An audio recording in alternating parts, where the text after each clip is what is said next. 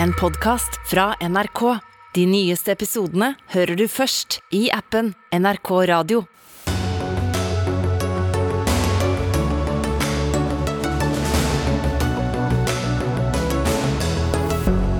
Nav kan gi mennesker beskjed om å selge huset for å kunne få sosialhjelp. Det må de bare slutte med, er beskjeden fra Rødt, som møter statsråden hos oss. Norges Fotballforbund vil skifte ut Fifa-presidenten. Han er ikke den rette til å bringe oss videre, mener Lise Klavenes. Streikeretten i Norge er styrket, hevder Arbeiderpartiet. Svert imot, den er svekket gjennom flere år, protesterer Sykepleierforbundet. Og SV vil innføre gigantiske fartsbøter i trafikken for de rike. Helt absurd, svarer Frp, og det blir front mot front i Dagsnytt 18. Hvor vi også skal snakke om Skottland og det reduserte fødetilbudet på ABC-klinikken. Mitt navn er Sigrid Solund. Trenger du sosialhjelp i Norge, da kan det hende du må kvitte deg med boligen din, bilen eller andre eiendeler. Hvis Nav vurderer det slik. Den som ber om sosialhjelp i Norge kan nemlig ikke sitte med store verdier eh, selv. Det skal vi straks diskutere, men først til en som vet hvordan dette kan slå ut. Eh, Thomas Wiik, du ble skadet på jobb og gikk eh, deretter seks år på arbeidsavklaringspenger. Da du ikke fikk fortsette lenger med denne ytelsen, ble løsningen sosialhjelp, og hva ville Nav at du skulle gjøre for å få det? Eh, hele forutsetninga at jeg skulle få hjelp videre, det var å selge alle eiendeler. Eh, bil, hus, om jeg hadde verdisaker i bolig osv. Det sa de rett ut. Mm. Og hva gjorde du da? Nei, da måtte jeg jo eh, selge. Jeg prøvde først privatsalg av bolig. Eh, bilen ble henta opp. Eh, ja, og så gikk det spant det videre. Ja, fordi Siden du ikke kvalifiserte til å få sosialhjelp, så fikk du såkalt nødpenger i flere måneder. Og du, Det var rundt 500 kroner i måneden, nå er det vel drøyt det dobbelte man kan få. Hva resulterte denne nødpengeperioden i? Nei, det ble jo da en stor økonomisk eh, gjeld for uh, min egen del. Jeg gikk jo et voldsomt økonomisk tap. Og man opparbeider seg eh, anmerkninger eh, hos banker osv. Så, videre. så man kommer i en ond spiral. Og dette kravet om at du skulle selge bilen, eh, hvordan slo det ut? Nei, Jeg bor jo eh, veldig landlig still, eh, langt fra butikker, eh, bussholdplasser og sånt. og noe. Så da var det å spørre venner om eh, transport osv. Og huset som du fikk beskjed om å selge, hva skjedde der? Eh, det gikk etter hvert over til tvangssalg. Eh, og de prøvde aggressivt å selge der i et år. Verdien gikk fra 3,7 til 1,2 millioner. Og de har ennå ikke greid å selge huset. Så pga. den praksisen så har du altså blitt satt lengre inn i gjelden?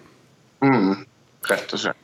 Bli med oss videre, Thomas Vik. Vi har to stykker med oss i studio her. Martin Mjøs Persen, du er arbeids- og inkluderingsminister. Altså en, en, kort periode på nødpenger her ødela mye for Thomas Vik, som vi hører her. Hva slags skjønnsmessige vurderinger kan Nav gjøre i sånne saker?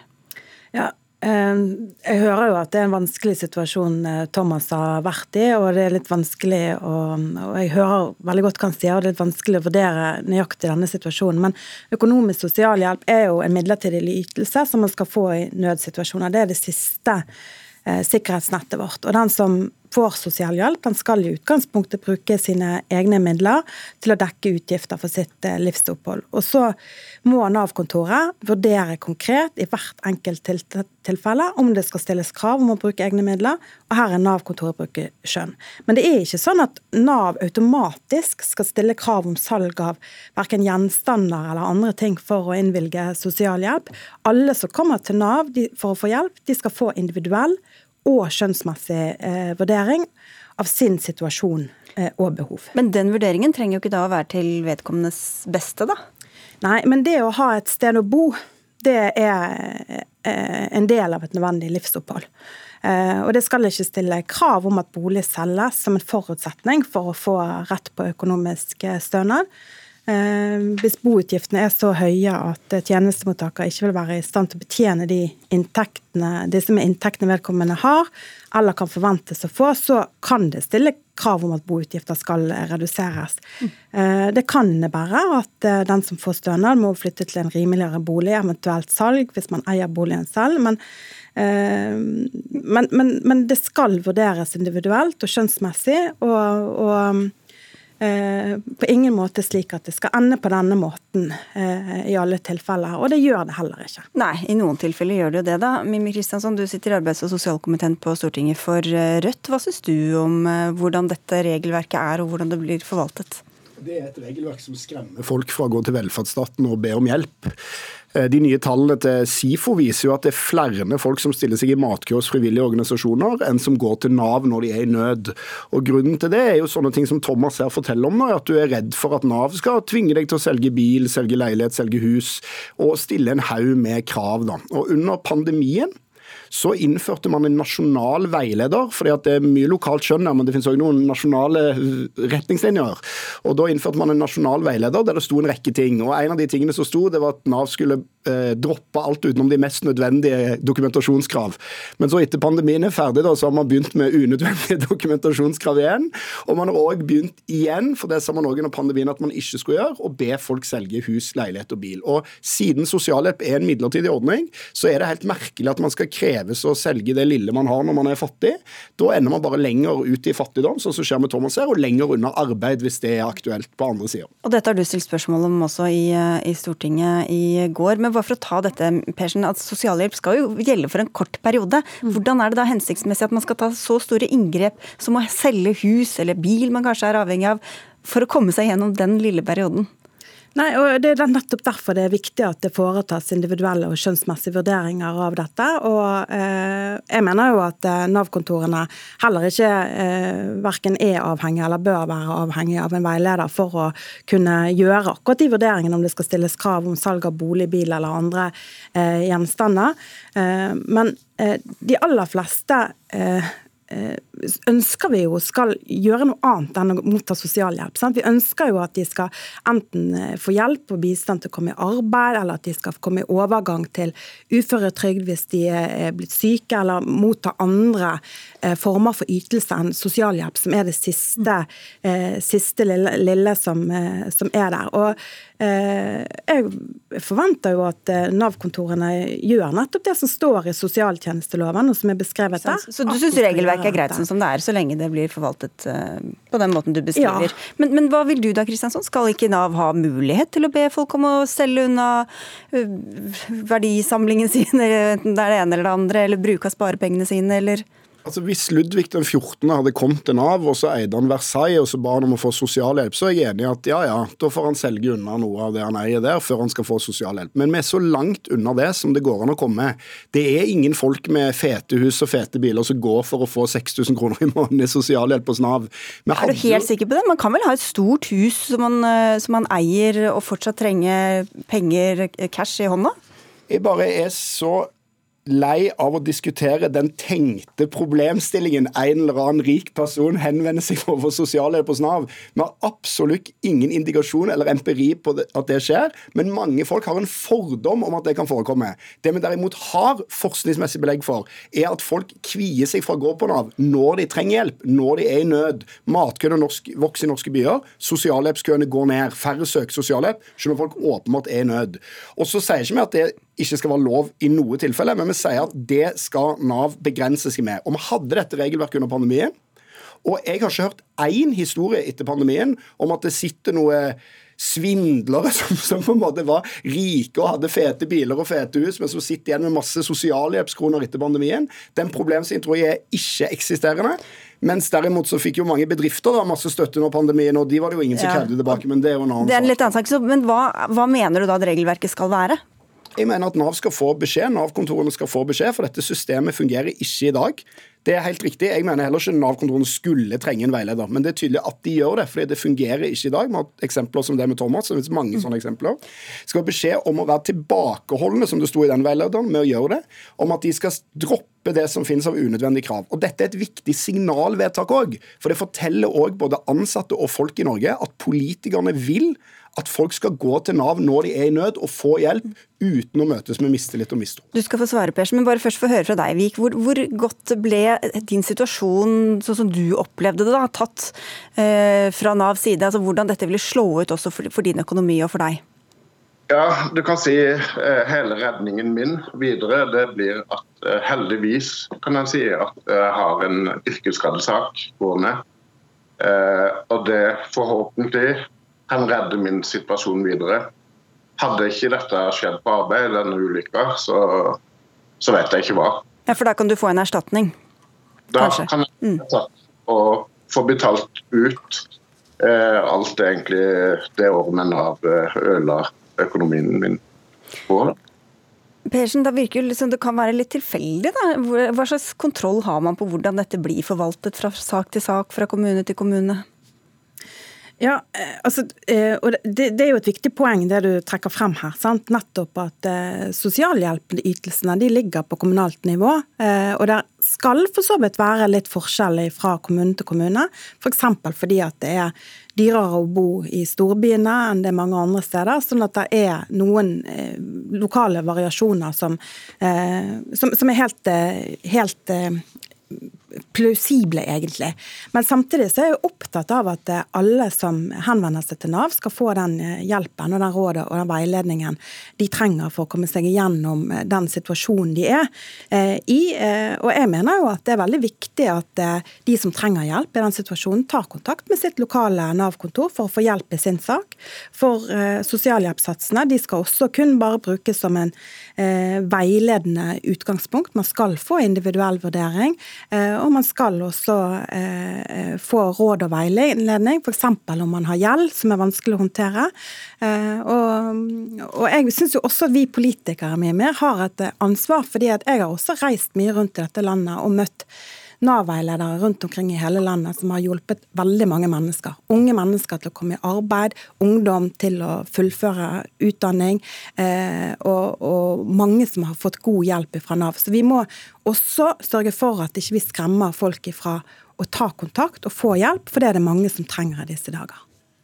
Ja, jeg tror det blir å, å, snu det hele på hodet. Grunnen til at mange er redd for å gå til Nav, er jo at det stilles helt faktuelt sånne krav som dette mange steder. Og det er en haug med andre krav og, og dokumentasjoner som òg kreves. Så jeg syns òg det er masse folk som gjør en glimrende jobb på Nav, men problemet her er jo et system. Og det som er grunntanken i det systemet, eller har vært grunntanken i det systemet, det er at det farligste som kan skje, er at en eller annen får en krone i sosialhjelp for mye. og det for det første skjer veldig sjelden, og for det andre så er det egentlig det minste problemet. Det store problemet problemet, og det er jo her kriseforståelsen bør kicke inn for regjeringen, det er jo at folk i Norge som beviselig er i nød, ikke tør å oppsøke den norske velferdsstaten Nav. Det må man ha et eller annet svar på. Og så vil jeg jo bare spørre deg, da, utfordre men, men kan, fordi, fordi, Jeg kan ikke bare spørre deg før du kommer til det, for det er fortsatt litt vanskelig å skjønne hvordan altså, hva, hva skal Nav ha, ha lov til å be om fra den som søker hjelp, og, og hva skal de ikke ha lov til å be dem om å gjøre? Med Nav i ytterste konsekvens så skal Nav fortsatt ha de skjønnsmessige mulighetene som de har i dag. Men altså disse, dette er et kommunalt system med selvstyre innenfor en del nasjonale rammer.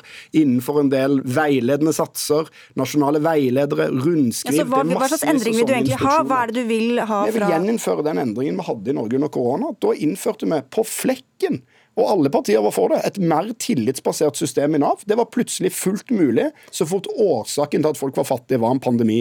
Men når årsaken til at folk er fattige, er en priskrise eller at de har hatt en yrkesskade, da anser man tydeligvis ikke det for å være like verdig. da. Og så vil jeg bare si, for det er dette jeg gjerne vil ha svar på, Marte, din forgjenger i den jobben, Hadia Tajik, er jo ute akkurat akkurat samtidig som meg og foreslår nøyaktig det samme. Så dette har jo også den forhenværende arbeidsministeren i Norge skjønt, at her bør det gjøres noe.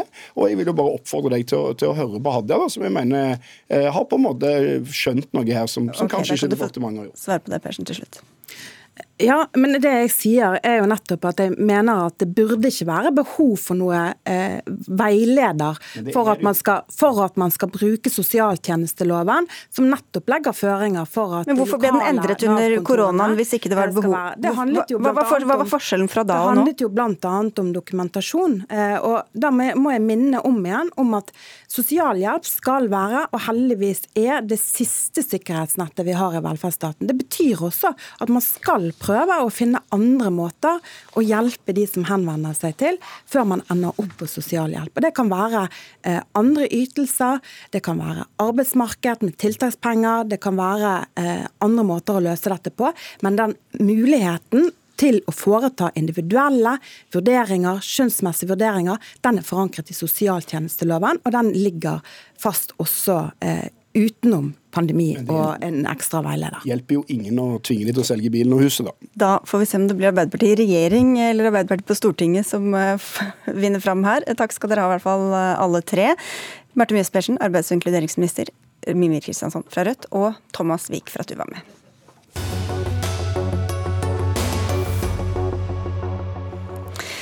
Det utenomsportslige får fortsatt mye oppmerksomhet under VM i Qatar. Toppsjefene i dansk fotball langer i dag ut mot Fifa, etter at spillerne ble nektet å gå ut på banen med regnbuefargede kapteinsbind. Nå vil de bytte ut Gianni Infantino som Fifa-president.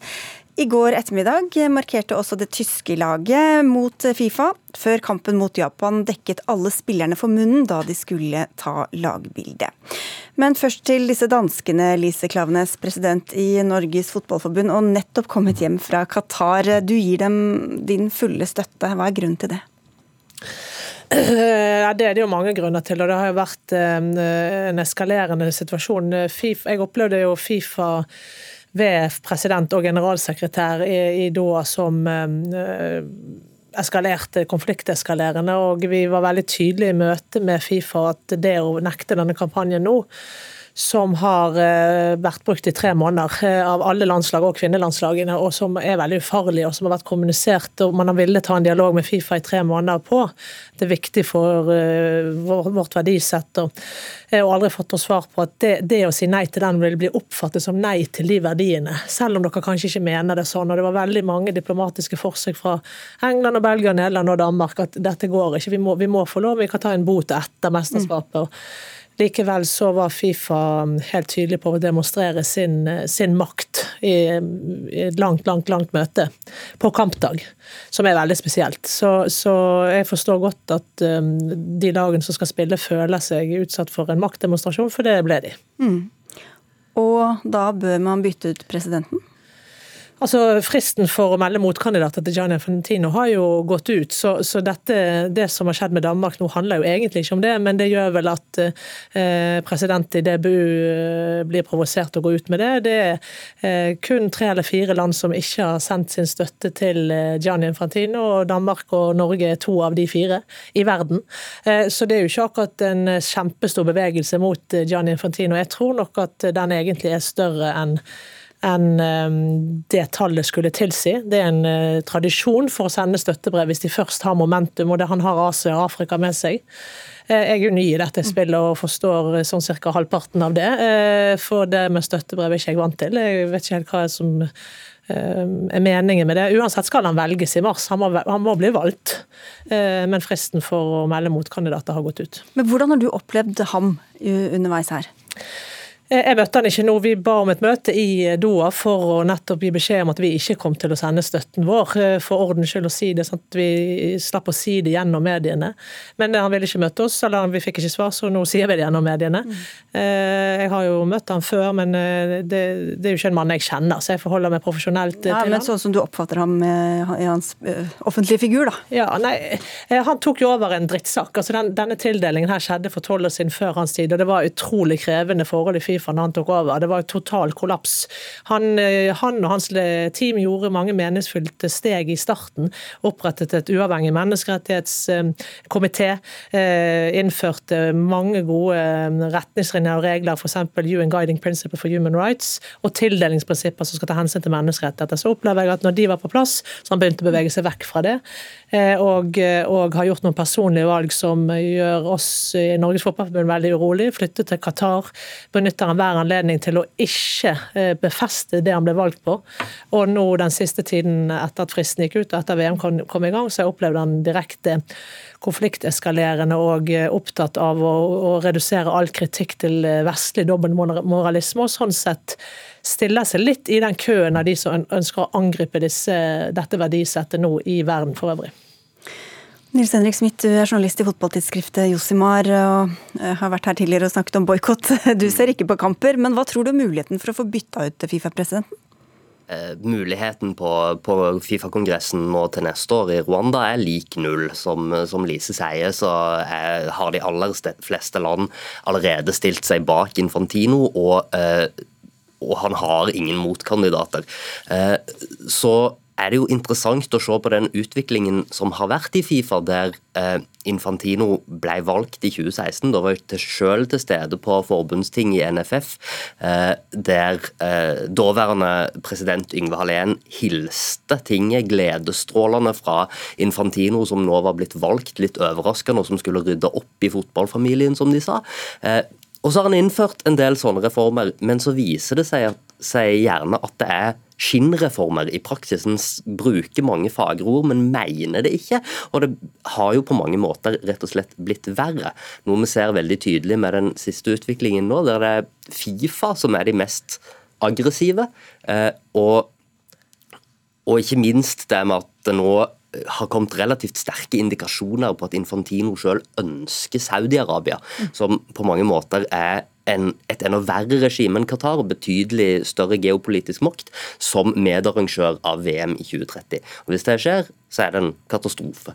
Så Det er den uh, situasjonen vi har, med et Fifa som i praksis er et moralsk bankerott uh, organisasjon uh, uten legitimitet, og som som viser stadig mer aggresjon mot de kreftene som, som ønsker reelle reformer. Ja, hva tror du Lise Klaveness, hvis, eh, hvis Saudi-Arabia kommer inn på arrangørsida der? Hva, hva, gjør det med fotballfamilien, som vi hører om? Ja, altså, det, det, det, er så mange ulike dimensjoner i, det der. Eh, Saudi-Arabia og alle land skal jo være en del av eh, den globale fotballen. Det er jo viktig. Og det er viktig at ikke fotballen blir stående og på en måte skulle gradere USA opp mot Saudi-Arabia eller noen regimer opp mot hverandre. Men samtidig så har man nå heldigvis innført eh, UN Guiding Principles som en del av altså, internasjonale menneskerettighetene som, som, ikke noe politisk, men som rettslige standard vi skal følge.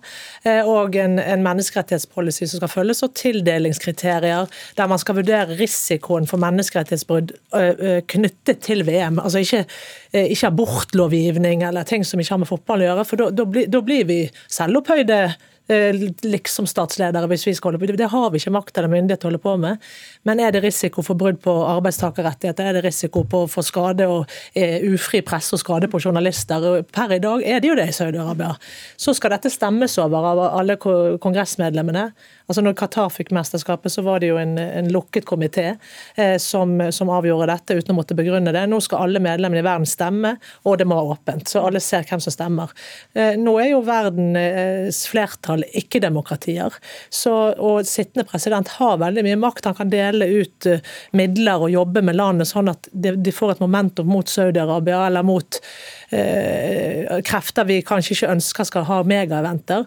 Så det er en, en, en skummel skummel utvikling nå, og det er helt riktig eh, det som blir sagt her, at eh, han bruker hver anledning nå for å på en måte lage en vest-øst-verdi, eh, en sånn rasismekamp, som egentlig handler om helt konkrete ting eh, vi kritiserer Fifa for, som, eh, som, ikke har noe med det han peker på.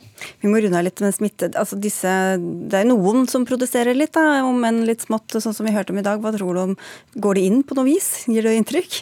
For øyeblikket så sitter du jo nesten med inntrykket av at jo mer det protesteres, jo, jo sterkere blir aggresjonen hos Infantino og, og, makthaverne i Fifa. Men samtidig så tror jeg dette er en veldig lang kamp som bare så vidt har begynt. og En er nødt til å, er nødt til å ta de mulighetene en har, til å, til å si fra om at en ikke aksepterer den, den måten som ting har vært drevet på i lang, lang tid nå. Før du går, Lise Klaveness, du ble jo lansert som motkandidat eh, fra Miljøpartiet De Grønne i dag eh, til, eh, til Infantino. Hva, hva, tror du om det? Nå er det Miljøpartiet De Grønne som stemmer ved disse valgene. Jeg tror jeg får ca. null stemmer i Asia-Afrika. Så populær ennå ut av Jeg har aldri i livet vært opptatt av posisjon. Det sier kanskje mange, men jeg har ikke det. altså. Det er ikke det dette handler om for meg. Vi er nødt til å være på vakt nå, for det skjer eh, ting som vi En veldig uheldig utvikling. Vi må stå opp for disse verdiene. Takk skal du ha for at du kom, og tusen takk også til deg, Nils Henrik Smith, journalist i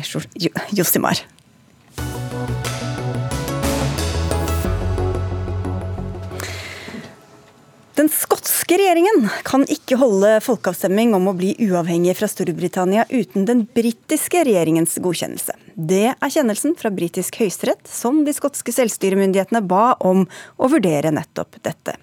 Og Korrespondent i Storbritannia Gry Blekastad Almås, hvordan reagerer skottene på dagens kjennelse?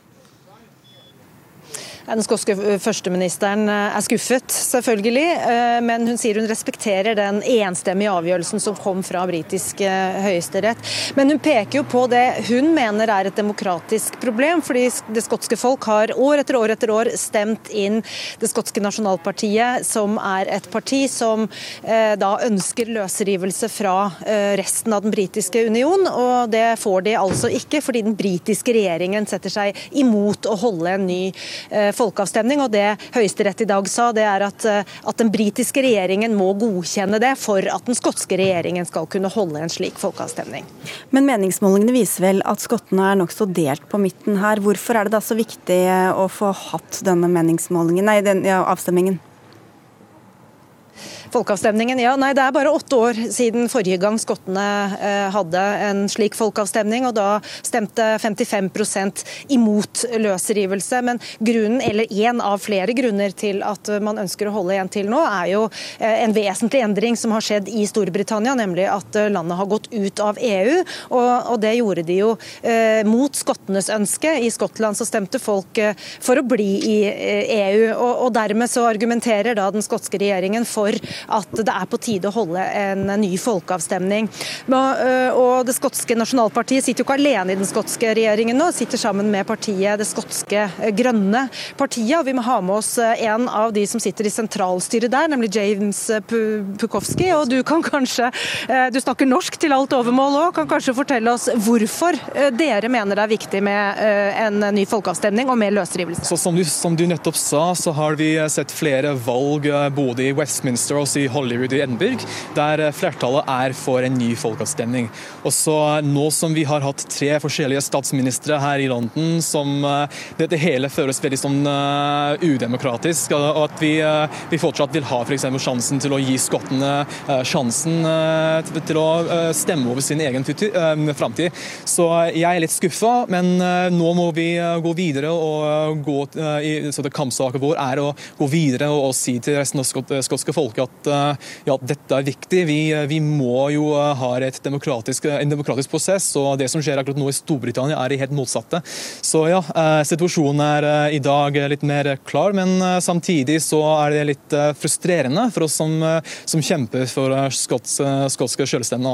Hvordan ser du for deg at dere skal gå videre nå, da, når Høyesterett har sagt nei til folkeavstemning? Så Det neste vi skal gjøre, er å betrakte det neste stortingsvalget her i London som en referendum som en folkestemning, eh, slik at eh, hver eneste stemme som gis f.eks. til et parti som SNP, Det skotske grønnpartiet eller eh, hvilket som helst parti, skal den skal betraktes som en stemme til ja-sida. Så det betyr at vi skal prøve å, bruke det neste stortingsvalget som en protest, som en demonstrasjon mot den britiske regjeringa. Men det er vel også folk som kan stemme på både det skotske nasjonalpartiet og på partiet De Grønne av andre grunner enn at de ønsker løsrivelse fra den britiske unionen? Og Vi skal gjøre det klingende klart i programmet våre, at uh, i alle partier som støtter uh, selvstendig, at uh, ja, hvis du, en stemme til oss er en stemme for, for skotsk selvstendighet. Da. Men ja.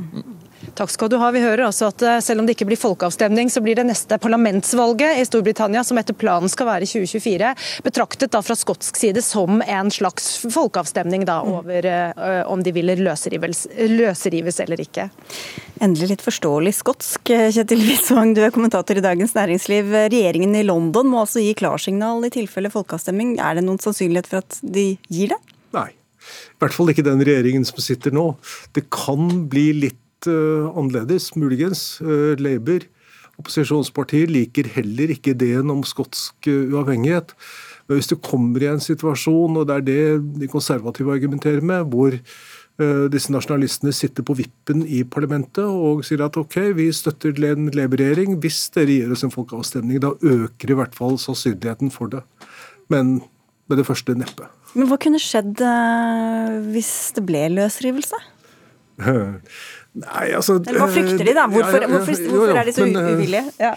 En av grunnene til at de stemte mot i 2014, hadde med økonomien å gjøre. Altså, da argumenterte de også med, med oljeinntekter og slikt, men, men eh, regnet litt på det, og eh, de sier at, at den gjennomsnittlige hver skotte eh, mottar ca. 20 000 tilsvarende 20 000 kroner mer fra statskassen, og bidrar med 4000 kroner, nei 4000 kroner omtrent mindre enn gjennomsnittsbriten.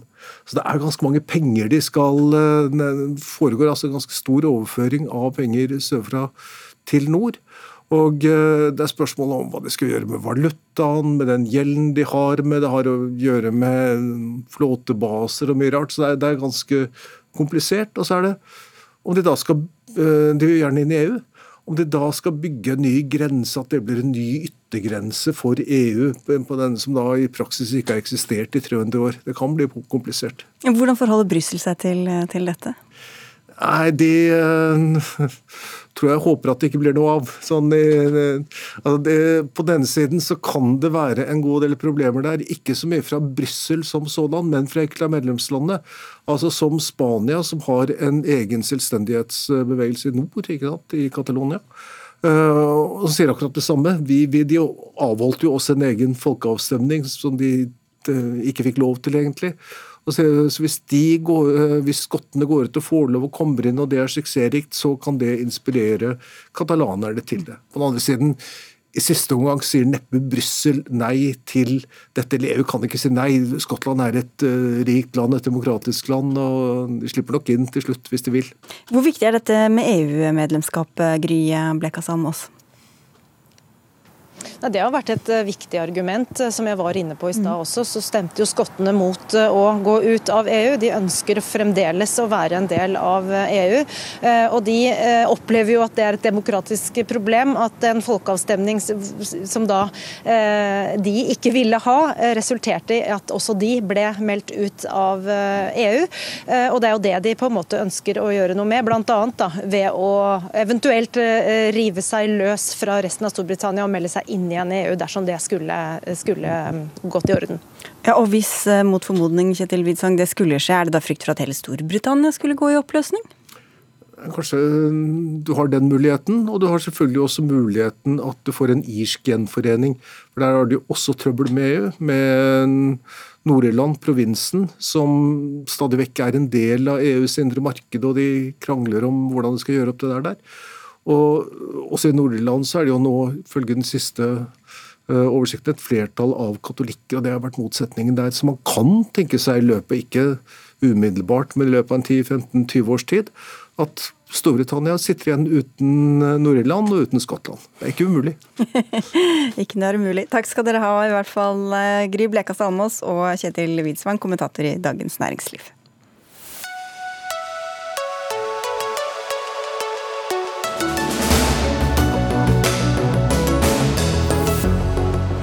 En liten klinikk, men med tilbud som betyr all verden for dem som får det. ABC i Oslo hjelper fødende, men fra nå av bare i helgene. Og det skal vi diskutere litt senere her i Dagsnytt 18.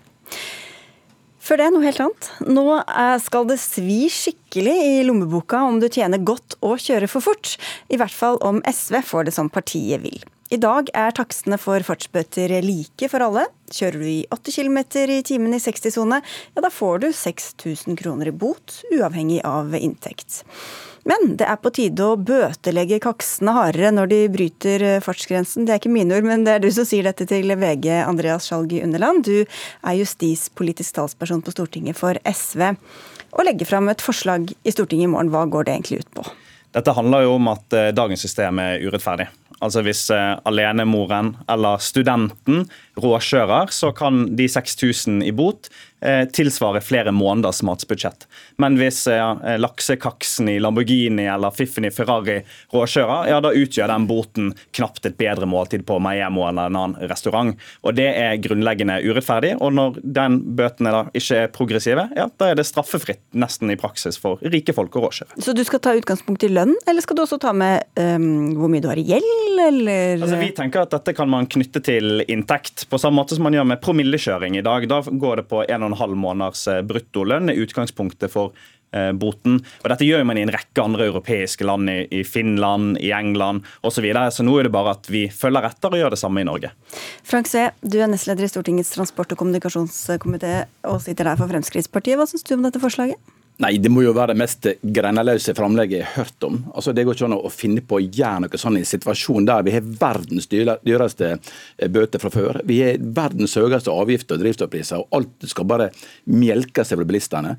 Og det SV glemmer, de snakker om å ta kaksene. Ja, men denne husmora på 350 000 i året får altså, hvis hun kjører 80-60-soner, får altså da 45 000 i bot. Så det, det hjelper ikke. En rammer de, de svakeste. Det er de svakeste som får mest i, i kardangen på et sånt framlegg. Og så er det man slutter med dette her med at de rike skal takes. Utgangspunktet er regelrett at det, dette her er, går over støkk og stein. Og, og promillebiten det er, at, det er jo en alvorlig sak for å ta vekk promilleopplegget. Men, men råkjøring er ikke men altså, alvorlig? Når du, når du kommer også inn mot Oslo her, og så er det 80-sone, og så er det miljøfartsgrense, så oppdager ikke du det, så skal jeg få 133 000 i bot for, for at jeg oppdager at det, det, oi, det var ikke miljøfartsgrense. Altså, Det går ikke an å holde på sånn. Det er jo helt på jordet, da. Ja, altså jeg kan, jeg kan, ikke fatte og begripe at Frp, som er kanskje det mest straffeivrige partiet på Stortinget, som mener at vi skal øke straffene for liksom alt mellom himmel og jord, men det er én gruppe de ønsker å skjerme.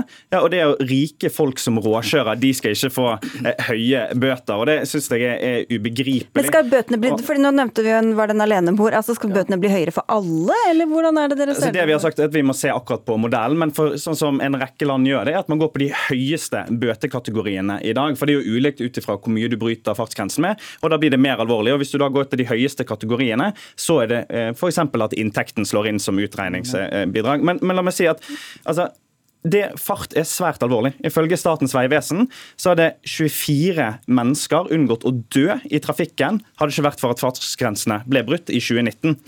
85 færre hadde blitt hardt skadet hadde det ikke vært for at folk brøt fartsgrensen. Altså Dette handler om liv og død og trygghet på norske veier. og Jeg synes det er uforståelig at Frp ikke ser det. Ja, Sosialister til venstre vil, jo fjerne bilen. Altså, det er jo det å snakke om å, måte, å ja, melke bilen saken, så, så, så, grenseløst. Men også, helt poenget er at det, en, en, lærer eller en sykepleier som har normal lønn der, får også bot med SV sitt framlegg på 80 000 hvis en kommer inn i miljøfartsgrensa som er 80 og nå plutselig er 60.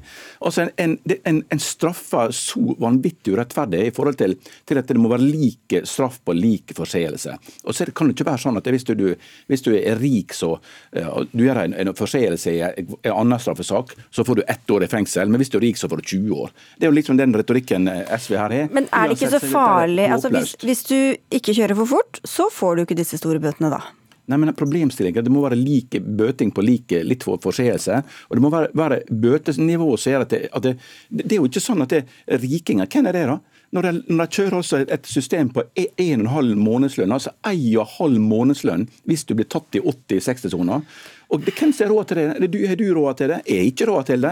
Jeg får altså mindre enn deg, så... Ja, men jeg får bot på 133 000. og Det får jeg, jeg altså ikke råd til. Det er ikke han heller. Så dette er, altså, det er et greneløst framlegg. Det er ikke, det er ikke virkelig til rot i det, altså, Du må forklare dette uttrykket. som det er noe som er så håpløst. Tre uten greiene, det forstår okay. alle. Det er noe som er hjelpeløst. Dette her er ganske hjelpeløst. Ja. Hvis du er redd for bøter på en og en halv gang måneds, månedslønn, så kan du slutte å stemme for økte politikerlønninger på Stortinget. og være med og stemme okay, Vi prøver å holde oss i saken alle sammen her. Men, men, men dette, dette dette, er, dette er forslaget deres, halvannen gang i månedslønn, så det vil jo hjelpe altså en sykepleier eller en lærer eller altså Men det er jo som du sier, at det er jo verdens letteste ting å unngå dette. Det er jo å la være å, å råkjøre.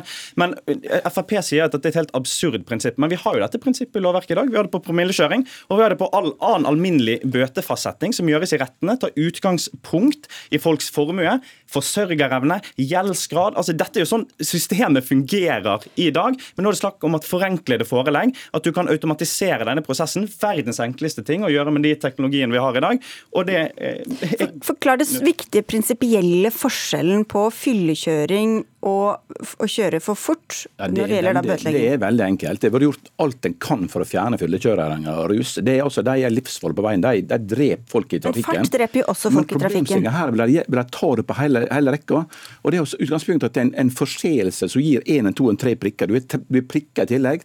Systemet ser i dag at du kan risikere å miste jobben, for du blir tatt i, i forskjellige forseelser pga. prikkbelastninger. Og I tillegg skal det også en, altså flå bilistene i tillegg. Ja, men hva, du, du forklarer fortsatt ikke hva er den store, viktige prinsipielle forskjellen på å ha sånne graderte Nei, jeg, bøter fyllekjøring, men ikke når, når, det gjelder å kjøre for fort? Hvis jeg kommer bilen min inn i miljøfartsgrensa og ikke oppdager at det er plutselig blitt 60, for det er plutselig noen funnet på at de skal ha miljøfartsgrense ja, Det er mye miljøfartsgrense her, da. Ja, men... det, blir, det, blir, 60 i stedet for 80.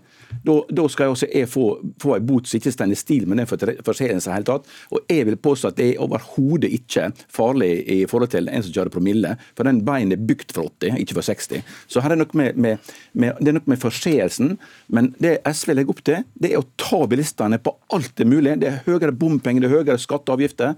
Og ja, nå er det det siste det, uke for bilene. To ting her, Underland. Det ene er jo, det skal jo være en sammenheng mellom forbrytelse og straff, også for at folks vanlige rettsfølelse skal altså det skal stå i stil med den. Hvor, hvordan er dette proporsjonalt å kunne å kjøre litt for fort, og så får du plutselig en million i bot? Ja, problemet er jo at det ikke er proporsjonalt i dag.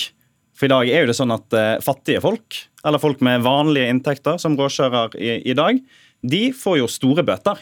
Mens de som har mye, får det ikke. Det er jo den proporsjonaliteten man har lyst til å rette opp i. Tror du folk vil synes at det er rettferdig å betale kanskje 500 000 kroner i bot?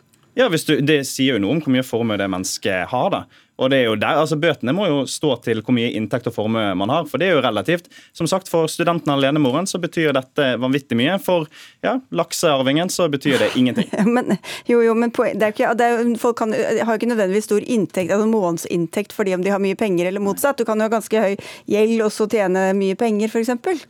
Ja, og man kan knytte det til både inntekt og formue. Så dette er, kan, hvis det er dette som er liksom humpen i veien for at vi skal klare å få det til, så skal vi nok klare å løse men, det. Det er viktig bare prinsippet om at det må være progressivt. Men hvor mye byråkrati skal Sosialistisk Venstre ha for å sette og begynne å rekke ut i hytt og pine på hvordan, hva bøtene skal ha?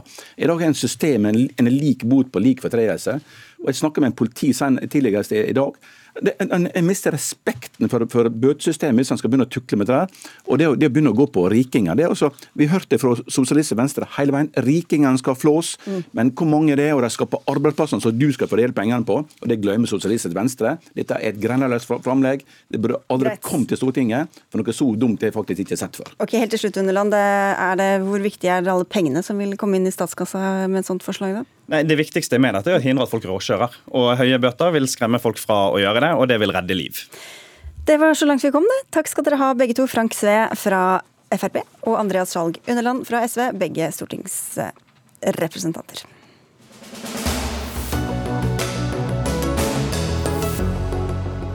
Hvor reell er streikeretten, og er den blitt styrket eller svekket? Ja, Derom strides de engasjerte, etter at flere streiker er avblåst med tvungen lønnsnemnd de siste årene. Et forslag fra Rødt på Stortinget skulle styrke arbeidstakernes rettigheter under streik, men ble nedstemt. Og det er du skuffet over, Lille Sverresdatter Larsen, du er leder i Norsk Sykepleierforbund. Hva er det som er galt med det systemet vi har i dag? Sykepleiere har ikke en, uh, egentlig en uh, reell uh, streikerett. og her er det jo da fremmet et forslag som vil gi oss en mulighet til en, en, en, kontradiksjon, så det heter. Altså en mulighet til å Eh, når det er en streik, eh, og når det da blir en tvungen lønnsnemnd, som det alltid blir, hver eneste gang det er en sykepleierstreik, så blir det en tvungen lønnsnemnd, så vil det gi en mulighet til også å kunne si fra til Helsetilsynet vårt perspektiv på hvordan ser, eh, ser det ut med tanke på, på, situasjonen som blir beskrevet som faglig uforsvarlig, for det er det som gjør at det blir en Hvis noen mener at her er det fare for liv og helse, så skal dere kunne komme inn ifølge dette Rødt-forslaget og si at nei, det er faktisk ikke det i dette tilfellet, f.eks. Som f.eks. i streiken som vi hadde i fjor og i Oslo kommune. Som vi hadde en helt plain, vanlig helgebemanning eh, på plass, men likevel ble det beskrevet som fare for liv og helse. Og Våre medlemmer har beskrevet at da er det sannelig fare for liv og helse hver eneste helg, hver eneste sommer, og gjentatte gang siden den streken. Så vi har behov for den diskusjonen på hvordan får vi faktisk sykepleiere en reell streikerett. Og det er jo flere andre organisasjoner også som, eh, som eh, stiller seg bak dette. Trine Lise Sundnes, du sitter på Stortinget for Arbeiderpartiet i arbeids- og sosialkomiteen. Hvis dette kan styrke arbeidstakernes rettigheter, hvorfor stemte dere det da ned? Eh, først og fremst har jeg bare lyst til å si at jeg har veldig stor sympati og forståelse for, eh, for Lills eh, frustrasjon og Sykepleierforbundets frustrasjon knytta til de sakene, spesielt eh, den saken fra i fjor, hvor det åpenbart var sånn at eh, hadde man hatt en grundigere saksbehandling, så ville ikke det vært eh, konklusjonen, tror jeg. Men det blir jo nå en, en påstand i ettertid. Og det var én sak, så hadde vi lærerstreik og det er andre streiker som har riktig. kommet til samme konklusjon. Men grunnlaget for hvorfor flertallet, med unntak av Rødt eh, gjorde som de gjorde og avviste forslaget, handler bl.a. om at den kontradiksjonsretten som Sykepleierforbundet her gjerne vil ha, mener vi eh, at eh, forbundene skal slippe å ha. Fordi det er en kontradiksjonsrett knytta til hvorvidt det er fare for liv og helse eller ikke. Og gjennom en sånn type kontradiksjonsrett legal, så ville Sykepleierforbundet fått medansvar hvis liv og helse hadde gått tapt. Det ønsker vi ikke. Når det er sagt ja, men Kan ikke ta det først, da, så kan du det ønsker ikke vi heller. Det er Helsetilsynet og myndigheten sitt ansvar å eh, vurdere om det er faglig forsvarlig. Det vi ønsker er å bli hørt som partene i arbeidslivet, ikke som LO. Vi er en million andre ansatte, eh, organiserte eh, medlemmer, bl.a. sykepleiere, som opplever å ikke bli hørt i, som part i arbeidslivet. Og Dermed så ønsker vi den, den muligheten til å gi et tilsvar til Helsetilsynet, sånn at de kan gjøre de gode vurderinger om det er faglig forsvarlig eller ikke, før de gir råd til statsråd om tvungen lønnsnemnd. Hvis ikke så står står jo statsråden med altså botten på hender og føtter, fordi at eh, de kan kun forholde seg til det som arbeidsgiver har sagt. Og da får du de her veldig uheldige situasjonene. Altså jeg eh, tror her at eh, du kan ha litt mer senka skuldrer, for hvis du leser merknadene, så er den eh, ganske For å si det sånn, jeg oppfatter din respons i forhold til merknader fra den lovgivende forsamling at ikke de tillegges vekt. Det mener, der mener jeg du tar feil. Forklar hva, det, hva betyr det du sier nå? Det betyr at i behandlingen av saken, som da for argumentasjonen og i behandlingen av saken, så har stortingsflertallet flertallet satt ned en rekke skranker vi mener må være med, men vi har samtidig også vært veldig tydelige på at vi skal være forsiktige med å trå inn i forhandlingsrommet mellom partene og ødelegge den norske modellen. Eh, men det vi, det vi eh, er veldig tydelige på, det er at vi har en helt klar forventning om eh, at den saksbehandlingen som de som, altså sånn som Helsetilsynet tar, den skal partene være helt sikre på holder et kvalitativt høyt nivå, og eh, at den bygger på korrekt faktum. Så har vi også sagt Så praksis skal endres litt, da? Er det det dere sier? Det vi har sagt, det er at vi eh, ber da eh, partene, sammen med ansvarlig statsråd, om å bli enige om regler som gjør at dette blir sikret. Så i så måte så tenker jeg at Sykepleierforbundet burde være veldig fornøyd her. Fordi vi har som lovgivende forsamling ikke trådt inn i det forhandlingsrommet, fordi det forhandlingsrommet det er partene sitt. Men dere har fått både skranker og merknader eh, i stedet for? Ja, vi har det. Og rosa sånn sett til regjeringa for å møte oss på, på, veien. Samtidig mener vi at det ikke er nok. Det er klart at noen merknader og noen kommentarer, og at det har vært en diskusjon i, i komité og i storting, er fint, men det ville vært så mye mer vektig med et vedtak fra Stortinget som faktisk sørger for at man får eh, bukt med problemet. Og problemet er vi har ikke reell streikerett. Vi sitter heller ikke i en lønnsnemnd som det blir, tvungen lønnsnemnd. Der sitter LO, der sitter NHO, men ingen fra fra, fra, Unio. Men bare for å ta det praktiske her. altså hvis Dere ville vel ikke gjort streika på en sånn måte som ville medføre fare for liv, for da visste dere at det ville bli uh, blåst bort med en gang, eller avblåst med en gang. Så hva, hvilken rolle spiller dere at, at, dere kommer og sier altså, For det ligger vel i sakens natur at dere mener at det ikke er fare for liv og helse under en sykepleierstreik? Det, det, gjøres, og vi gir jo også dispensasjoner til eh, når arbeidsgiver søker om det. Men det er jo også sånn at eh, arbeidsgivere spekulere til dels i det. Noen arbeidsgivere til og med sier at de søker aldri om dispensasjon. Og Da blir det jo per se nesten umulig å gjøre en, uh, gjøre en streik på et fornuftig vis. Så poenget vi er nødt til å ha en reell streikerett. Vi er nødt til å få en mulighet til tilsvar når det blir snakk om uh, tvungen lønnsnemnd, eller om det er faglig uforsvarlig. Og ikke at dere bare snakker med LO, var vel uh, det underforståtte her også? Nei, altså Sykepleierforbundet vet veldig godt at Arbeiderpartiet snakker med alle hovedorganisasjonene. og vi snakker også Men vi sitter med, ikke i lønnsnemnd. Og vi snakker også med med alle eh, forbund når de, eh, når de, ønsker å snakke med oss, eller vi ønsker å snakke med dem. Men, men, når det er sagt, så er det sånn at hvis vi ser på dette i et historisk perspektiv, så er det altså ikke Eh, så er altså ikke streikeretten svekka. Eh, det er sånn at fra 81 fram til i dag eh, så går det et markant skille. Streikene blir lenger. Før 81 så ble streikene i offentlig sektor stort sett stoppa før de i det hele tatt starta. I tillegg til det så blir streikene lenger og lenger. Det som står igjen, det er at partene skal være ganske sikre på, og 100% sikre på, og det skal også Stortinget, for dette jo, kommer jo til Stortinget til syvende og sist når lov om tvungen lønnsnemnd blir brukt, så skal vi være 100% sikre på at dette er korrekt faktum. Og Det er akkurat det som er problemet. Det kan ikke statsråd være, det kan heller ikke Stortinget være per nå, for at det er kun arbeidsgivers side som blir hørt. Eh, vi ønsker det tilbake til nettopp historisk sånn som det var før 2013, når Arbeiderpartiet satt i regjeringa. Da ble, var det sånn at arbeidstakersida ble hørt gjennom Helsetilsyn. Og det eh, får dere nå rikelig anledning til å diskutere i trepartsdialogen sammen med statsråden. Da er det bare å glede seg til neste streik. Eh, takk skal dere ha begge to. Trine Lise Sundnes fra Arbeiderpartiet og Lill Sverresdatter Larsen, leder i Norsk Sykepleierforbund. Er strid om landets mest kjente fødested for fødsler uten bruk av eh, medisiner. På ABC-enheten på Ullevål sykehus i hovedstaden tilbys en helhetlig omsorg med svangerskapskontroller fra uke 32 og fødselshjelp, barselomsorg i samme avdeling med samme personale. Nå reduserer Oslo universitetssykehus eh, tilbudet til bare å gjelde mandag til fredag, og har stengt i helgen. Du reagerer på dette i et innlegg i Dagsavisen Oda Weide Krogh. Du er forfatter og programleder i podkasten Familieliv. Det knyter seg i livmoren, skrev du. Hvorfor blir du så opprørt over dette tilbudet? Det er jo fordi ved å helgestenge ABC-klinikken så tar man bort et veldig høyt ønsket fødselstilbud til veldig mange kvinner i Oslo, som vi vet at er den er jordmorstyrt, så det er veldig veldig, veldig mange som ønsker seg dit av forskjellige grunner.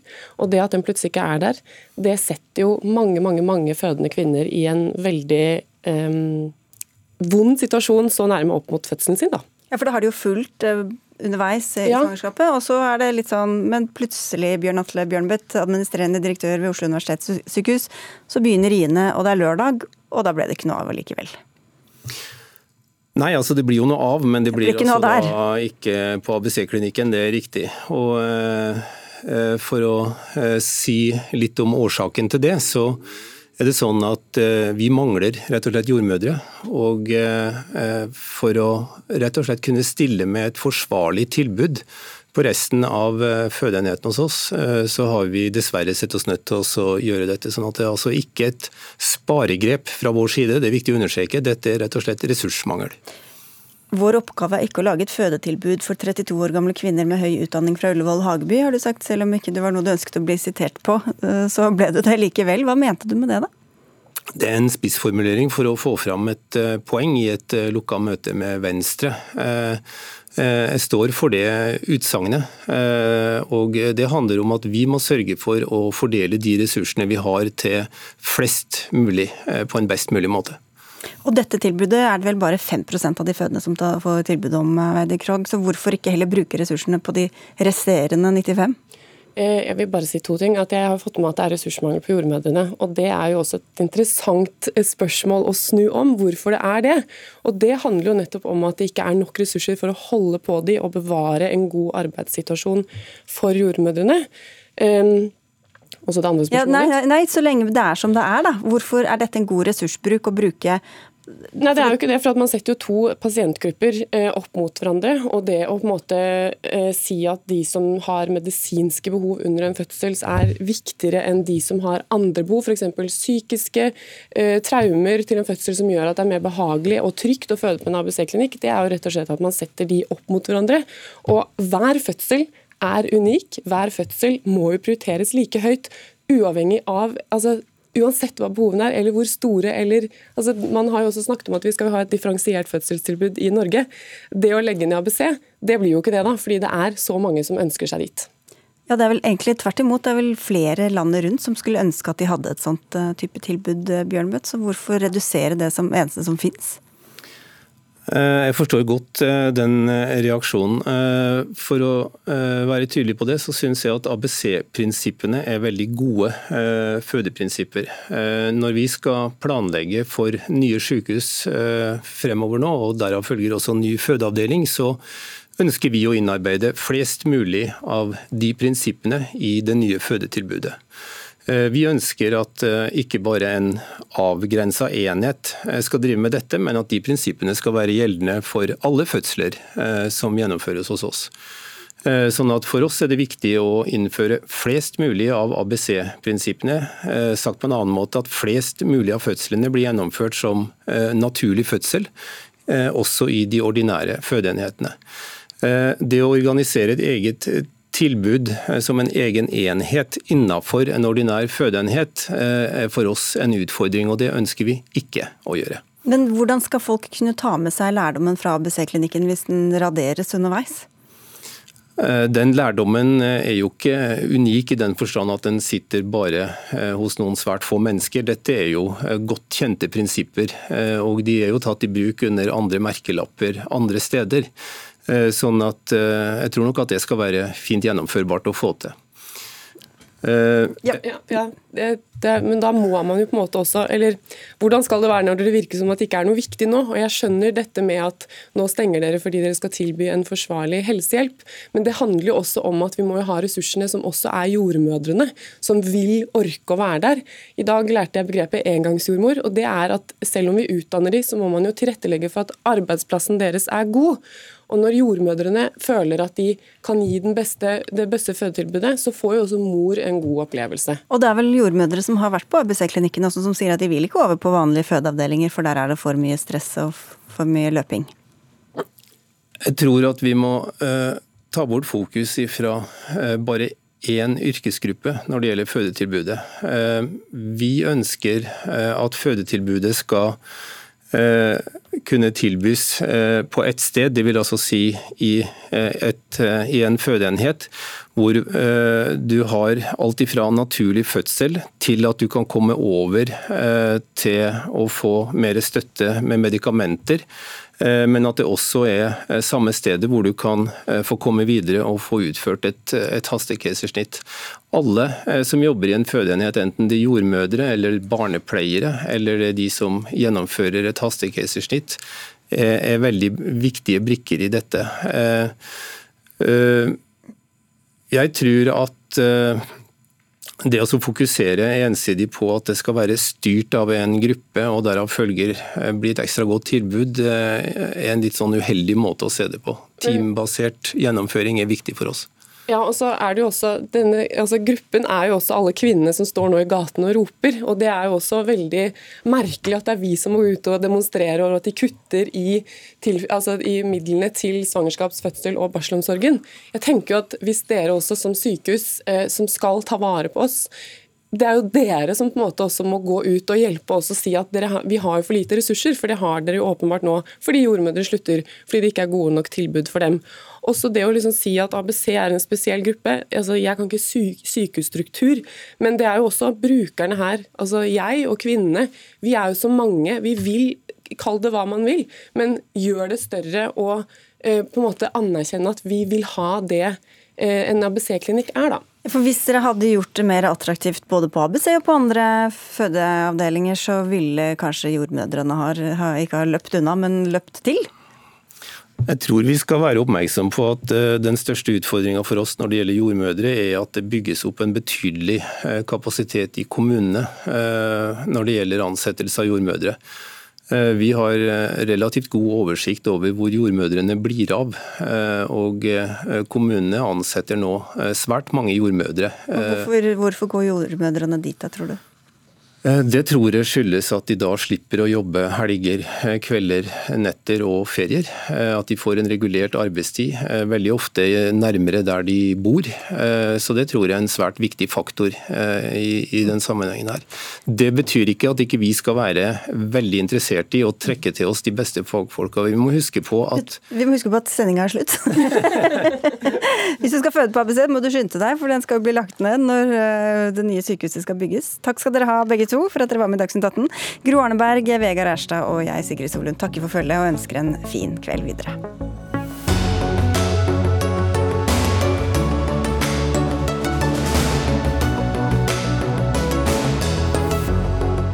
Du har hørt en podkast fra NRK. De nyeste episodene hører du først i appen NRK Radio.